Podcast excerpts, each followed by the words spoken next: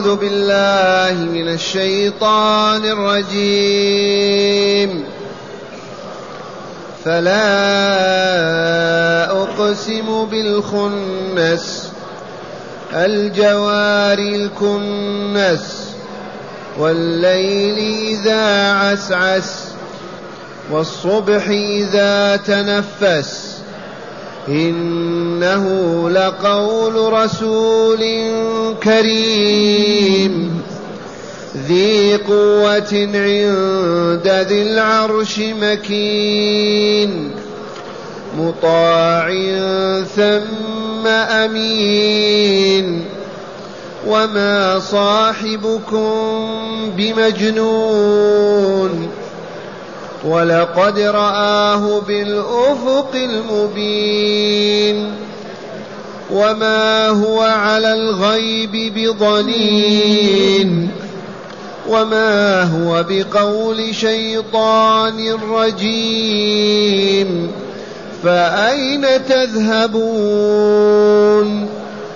إن هو إلا ذكر للعالمين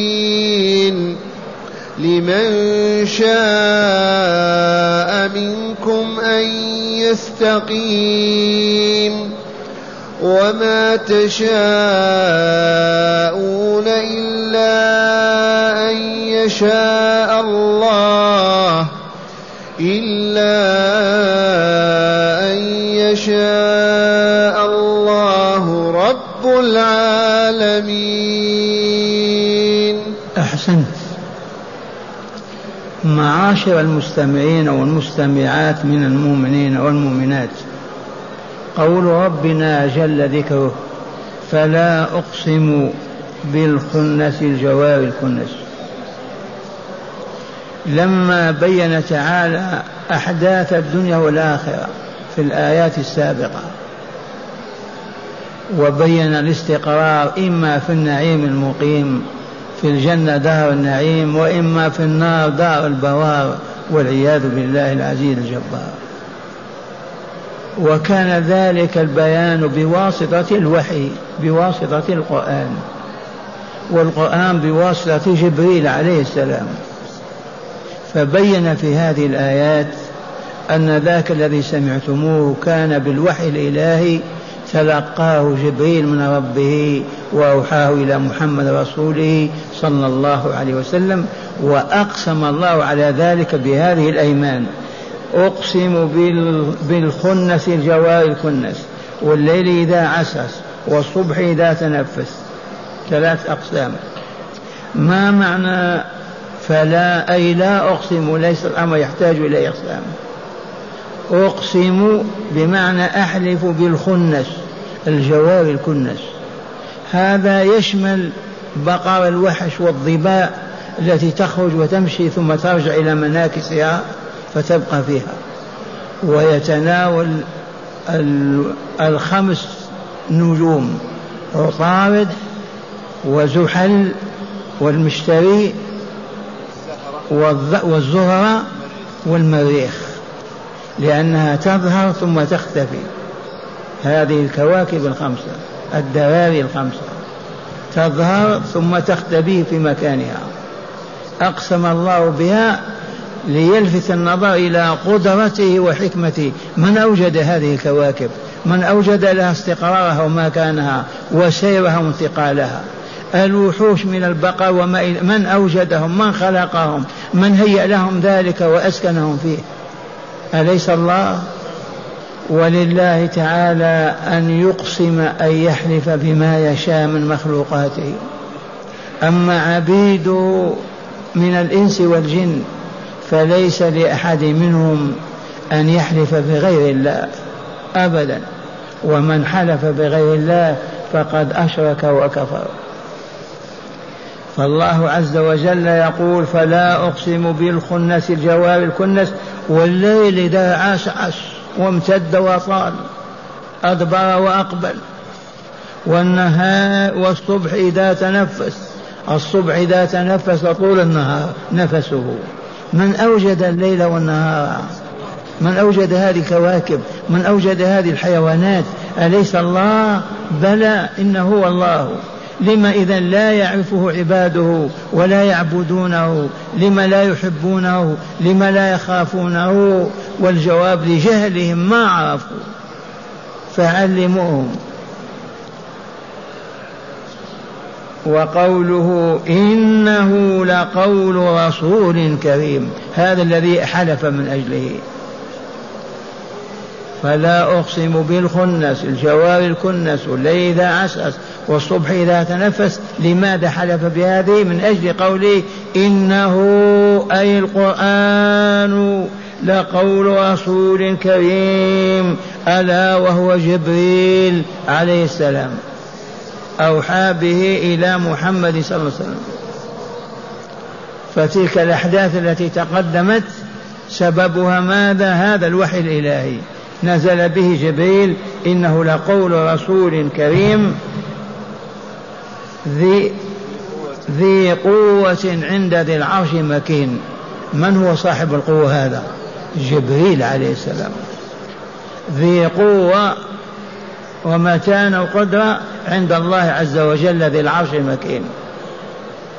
مطاع ثم أمين. في الملكوت الأعلى في السماوات الملائكة لا تعصي جبريل أبدا.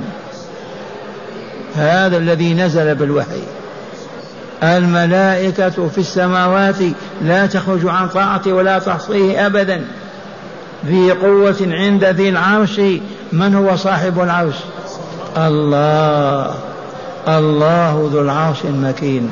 الله ذو العرش العظيم. العرش العرش والسرير والكرسي. هذه لله وسع كرسي السماوات والأرض. والعرش لا تسأل. كل الملكوت السماوات السبع والأرض السبع كلها كنقطة تحت هذا العرش. سبحان الله العظيم. ذو العرش العظيم. سرير الملك. ذي قوة عند ذي العرش مكين مطاع ثم في السماوات أمين. لا يتهم بشيء ولا يخون ولا يخفر أبدا. من هذا جبريل عليه السلام؟ مطاع ثم أمين. وما صاحبكم بمجنون. من صاحبنا محمد صلى الله عليه وسلم. والخطاب لأهل مكة ولكل البشر. وما صاحبكم أيها الناس يا عالم الجن وما صاحبكم محمد صلى الله عليه وسلم بمجنون أبدا ولكنه ذو عقل كامل لا يقول إلا الحق ولا يهدي إلا للصواب لأنه كامل العقل بريء مما يقول المشركون أو مجنون أو مسحور أو بكذا وكذا وما صاحبكم بمجنون أبدا. ولقد رآه بالأفق المبين.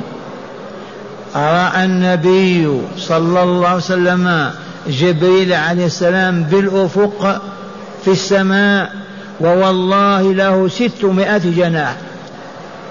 سد الأفق بكامله رآه في مكة في جهة المشرق مشرق الشمس. ولقد رآه أي رأى محمد رسول الله صلى الله عليه وسلم جبريل عليه السلام هذا القوي الأمين رآه في السماء بستمائة جناح ستمائة جناح. ماذا نقول؟ ملك له ستمائة جناح. وتجلى لرسول صلى الله عليه وسلم وناداه يا رسول الله. آية من آيات الله. ورآه مرة ثانية في الملكوت الأعلى. ولقد رآه نزلة أخرى عند سدرة المنتهى عندها جنة المأوى. أما المرة الأولى هذه في مكة. ولقد رآه بالأفق البين الواضح. تماما. في المشرق مشرق الشمس. وما هو على الغيب بضنين وما هو على الغيب بضنين بضنين بالضاد بمعنى بخيل حاشاه. بالضاد اختصى بضنين بمعنى منتقص ينقص أو يزيد. نفى الله تعالى عن رسوله هذا. وما هو على الغيب مما هو غيب بأن يخفي بعضه أو يستر بعضه أو يقدم أخ فهو أمين كامل الأمانة.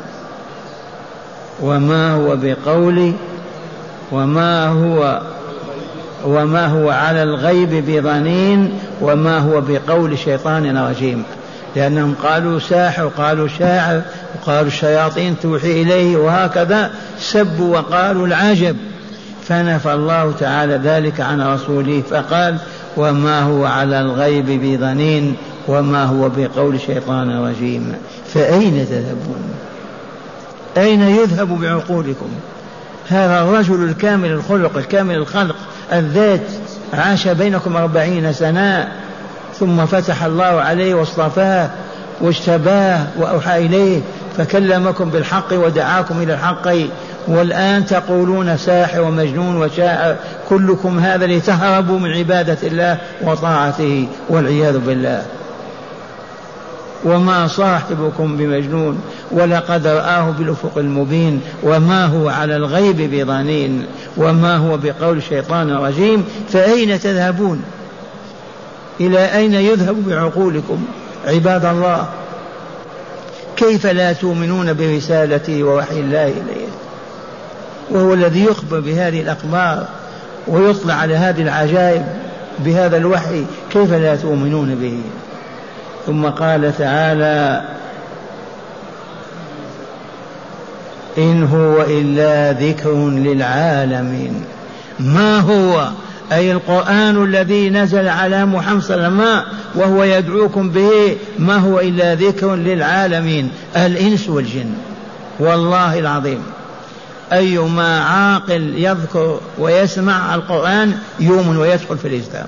ذكر للعالمين. أولا هذا القرآن كلام الله كلام من؟ انظر ماذا فيه واسمع ماذا فيه من الهدى والنور. من أنزله من أوحاه. من من من تجد لا إله إلا الله محمد رسول الله صلى الله عليه وسلم. لكن الشياطين صافت الإنس والجن. عن السماع وعن التدبر والتفكر والتذكر ما يذكرون ولا يتفكرون أبدا. كالبهائم منكبون على شهواتهم يأكلون ويشربون وينكحون. أين يذهب بعقولهم؟ هكذا يقول تعالى فأين تذهبون؟ إن هو إلا ذكر للعالمين. لمن شاء منكم أن يستقيم. هذا القرآن فائدته أنه هداية الخلق. من أراد أن يستقيم فليتدبر القرآن وليؤمن به يستقيم ولا يعوج ويمشي إلى الجنة والحمد لله. لمن شاء منكم أن يستقيم. الاستقامة عرفناها أن تمشي هكذا. هذه الواجبات أدها كما أمر الله وبينها رسوله. هذه المنهيات اجتنبها كما نهى عنه رسول الله وحرمها حتى تلفظ أنفاسك الأخيرة وتدخل الجنة.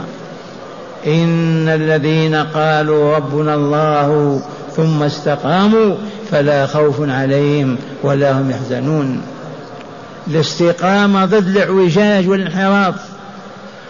اهدنا الصراط المستقيم ألا وهو الإسلام والإسلام إسمال إسلام القلوب والوجوه لله.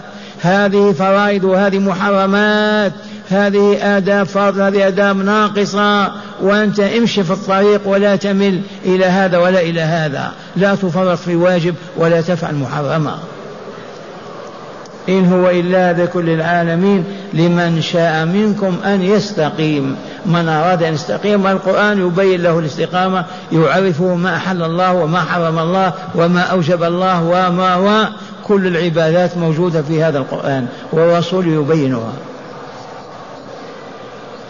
هنا يقول أهل التفسير لما سمع هذه الآية أبو جهل لعنة الله عليه قال لنا أن نستقيم وأن لا نستقيم. إن شئنا استقمنا وإن شئنا لا نستقيم. لما سمع هذا قال نعم الاستقامة بأيدينا. إن شئنا استقمنا وإن شئنا ما نستقيم. فأنزل الله بعد ذلك قوله وما تشاءون إلا أن يشاء الله رب العالمين. وهذه الحقيقة.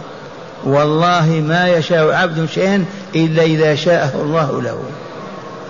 وما تشاءون إلا أن يشاء الله رب العالمين. ومن هنا وجب الاطراح بين يدي الله وجب الضراعة والدعاء والبكاء بين يدي الله ليهديك ويحفظ هدايتك حتى يتوفاك مؤمنا صالحا. الهداية بيد الله. والله يهدي من يشاء من علم أنهم أهل للهداية لإقبالهم على ذكر الله وطاعته ويضل من يشاء لعلم بأنهم لا يرغبون في الهداية ولا يطلبونها فيضلهم. ومن هنا نسأل الله الهداية. اللهم اهدنا اللهم اهدنا وثبتنا حتى نلقاك مؤمنين صالحين. والآن مع هداية الآيات. بسم الله والحمد لله. والصلاة والسلام على خير خلق الله سيدنا ونبينا محمد وعلى آله وصحبه.